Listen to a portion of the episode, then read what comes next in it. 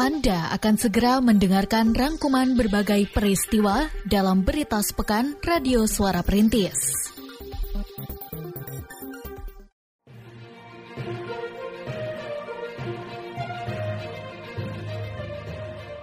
Berita sepekan Radio Suara Perintis FM Kota Sukabumi.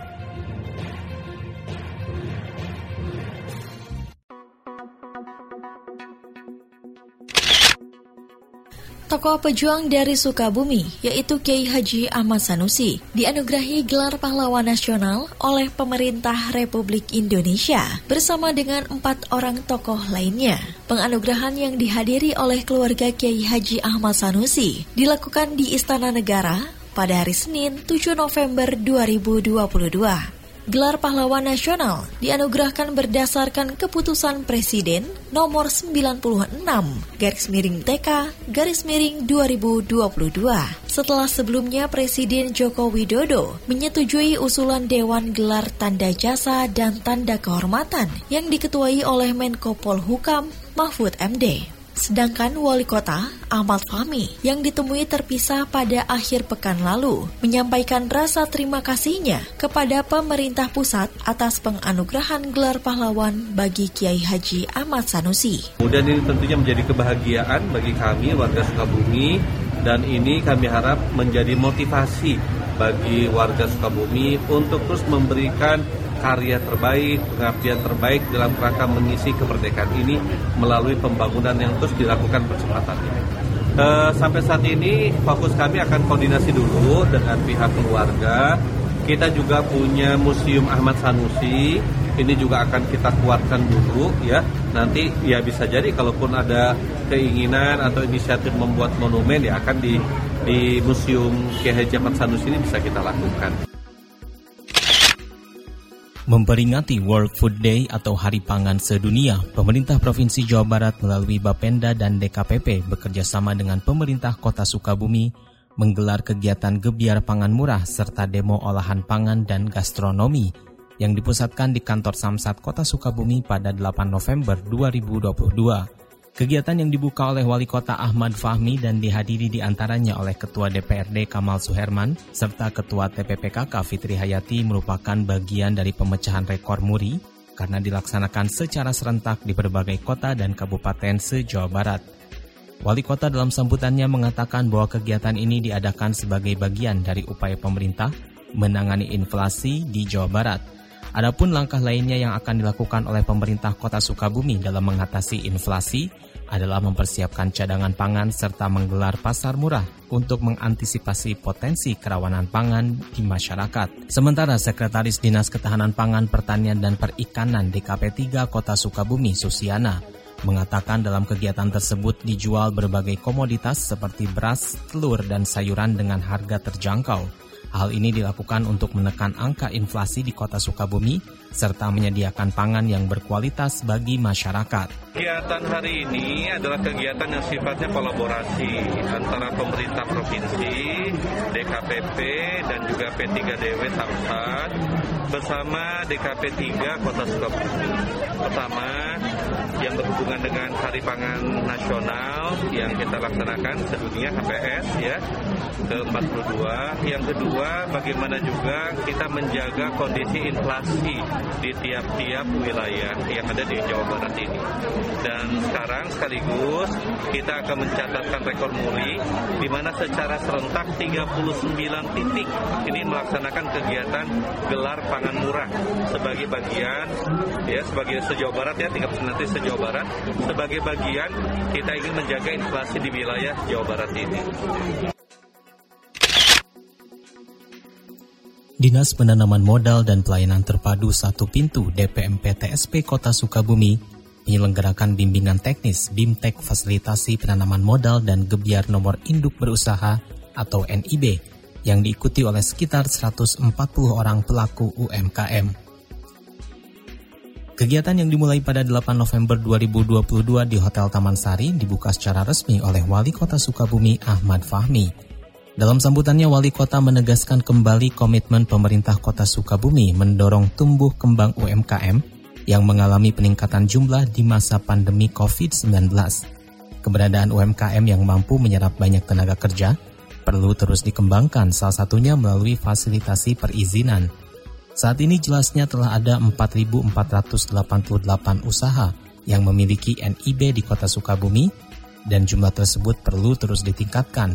Terlebih pengurusan perizinan dipermudah dengan adanya sistem online single submission OSS berbasis resiko. Satu bentuk tanggung jawab pemerintah adalah bagaimana pemerintah mempercepat proses investasi dan salah satunya adalah kita mempermudah layanan NIB nomor induk berusaha Makanya sekarang para pelaku UMKM ini secara bertahap akan mendapatkan sosialisasi, edukasi, bagaimana mereka bisa untuk e, mengurus NIB secara mandiri. Karena sifatnya NIB ini sekarang bisa melalui smartphone masing-masing, gitu ya. Kita berikan kemudahan. Nah, mudah-mudahan setelah mereka memiliki NIB, nomor induk berusaha, ini usaha mereka, produk-produk mereka bisa diterima di kalangan yang lebih luas lagi. Jadi bisa masuk ke supermarket, bisa masuk ke mall dan sebagainya. Termasuk juga untuk ke e-commerce yang sekarang kita kuatkan. Sementara Kepala DPMP TSP Didin Syarifuddin mengatakan bahwa kegiatan ini bertujuan agar para pelaku usaha memiliki wawasan dalam pengurusan perizinan sehingga mereka bisa melakukannya secara mandiri. Selain itu, mereka pun diharapkan terus mengembangkan produk yang dihasilkan dengan menerapkan standar yang baik dan layak para para UMKM, para pengusaha UMKM ini kita arahkan supaya mereka bisa mempunyai NIB, namanya usaha dengan berbasis risiko. Dalam artian mereka itu bisa memasarkan tadi kata Pak Wali Kota melalui gadgetnya masing-masing.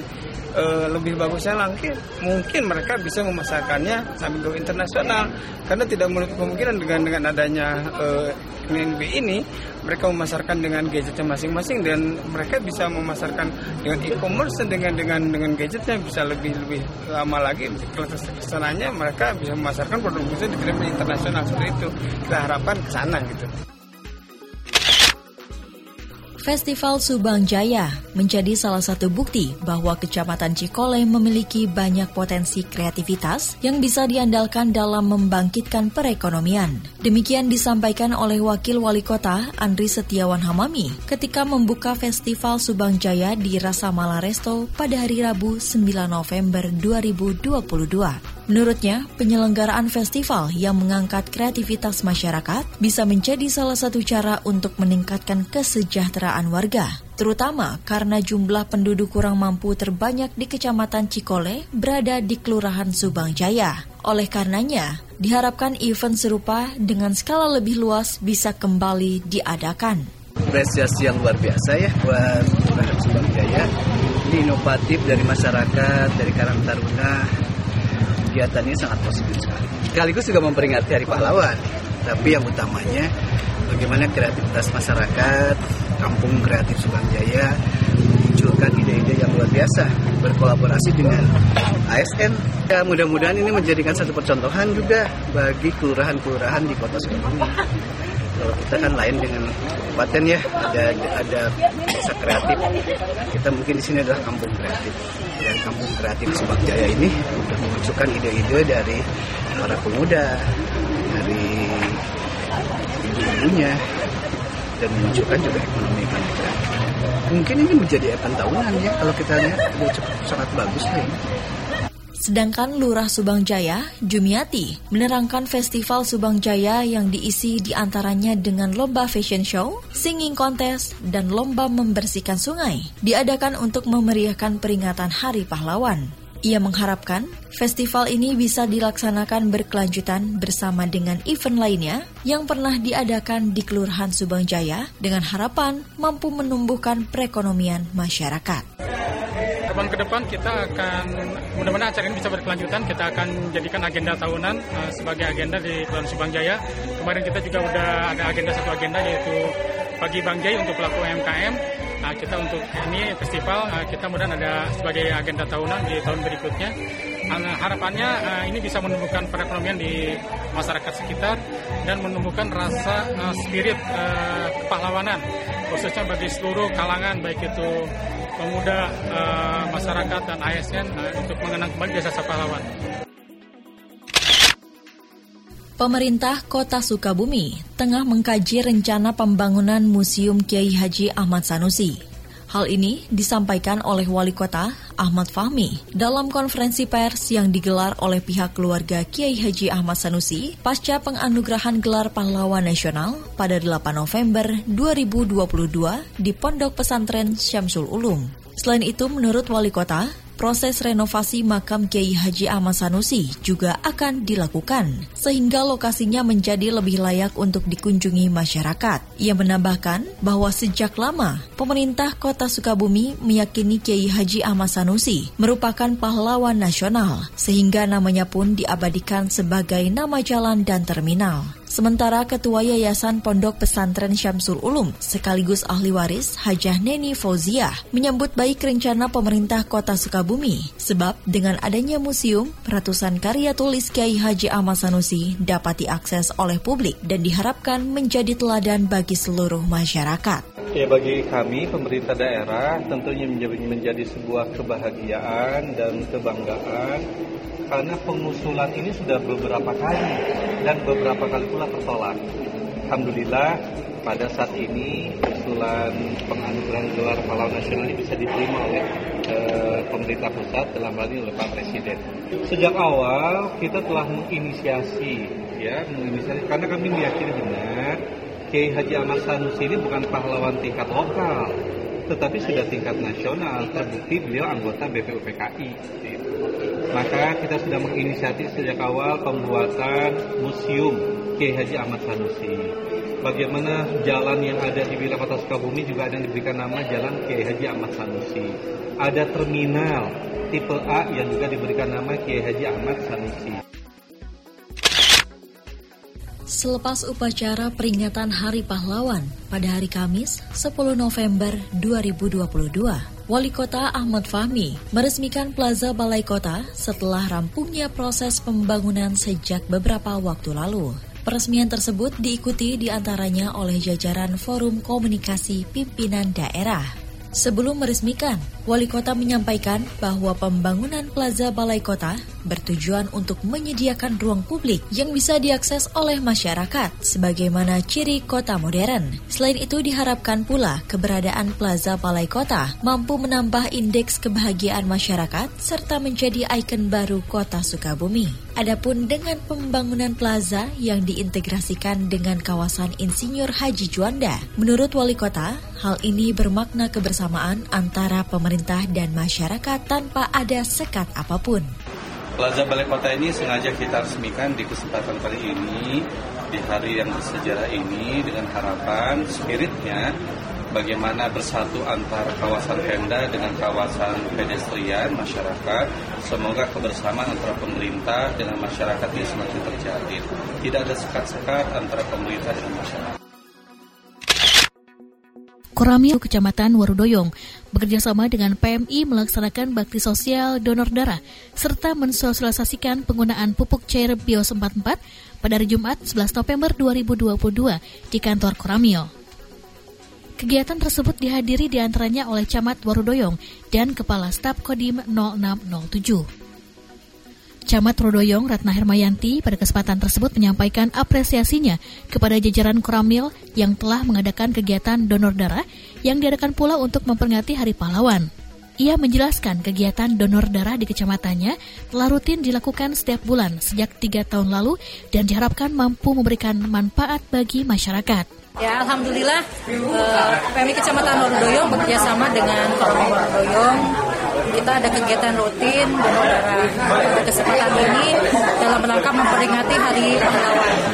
Karena lintas sektor kami target uh, eh, 10 orang yang eh 100 orang ya yang diundang. Alhamdulillah sampai dengan pukul 10 lewat 5 sudah tercapai 48 labu. Kemarin kami sudah melaksanakan upacara ya untuk memperingati Hari Pahlawan. Yang keduanya juga kami mengikuti event-event tingkat kota untuk paling penting adalah untuk kegiatan hari ini yaitu kegiatan donor darah di tingkat kecamatan. Harapan ke depannya, Bu Camat? Ya, harapannya memang uh, donor darah ini memang sudah berjalan ya selama tiga tahun. Jadi kegiatannya mudah-mudahan dapat dirasakan oleh masyarakat dan manfaatnya pun dapat dirasakan oleh masyarakat Kota Sukabumi. Sedangkan Dan Ramil Kecamatan Warudoyong, Kapten Armdede Surjana menjelaskan bahwa pada kegiatan yang terselenggara berkat kolaborasi berbagai pihak, ditargetkan dapat terkumpul 50 labu darah untuk membantu stok darah di PMI. Adapun terkait sosialisasi penggunaan pupuk cair bios 44 kepada para petani, ia menjelaskan bahwa hal ini dilakukan untuk menindaklanjuti arahan pimpinan TNI AD Diharapkan melalui penggunaan pupuk tersebut, produksi para petani semakin meningkat yang akan mendongkrak pada taraf kesejahteraan mereka. Uh, para TNI melaksanakan kegiatan ini rutin sebulan sekali dalam rangka mendukung uh, apa darah kepada orang darah khususnya yang dilaksanakan oleh TNI Kota Sukabumi. Kebetulan hari ini juga kami laksanakan sekaligus melaksanakan sosialisasi bios kepada para kelompok tani.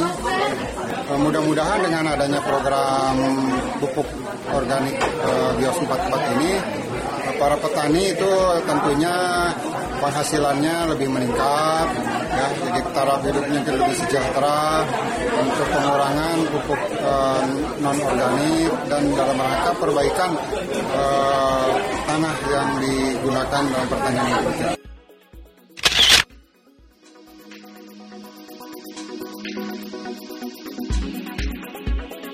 Demikian berita sepekan Radio Suara Perintis edisi kali ini. Dengarkan program berita kami, berita seputar kota, yang disiarkan dari Senin malam hingga Minggu pagi pukul 18.30 dan 06.30 waktu Indonesia Barat. Dengarkan pula setiap Senin hingga Jumat, berita siang pukul 13.00, berita sore pukul 16.00, dan berita malam pukul 21.30 waktu Indonesia Barat. Terima kasih, sampai berjumpa di Berita Sepekan edisi selanjutnya.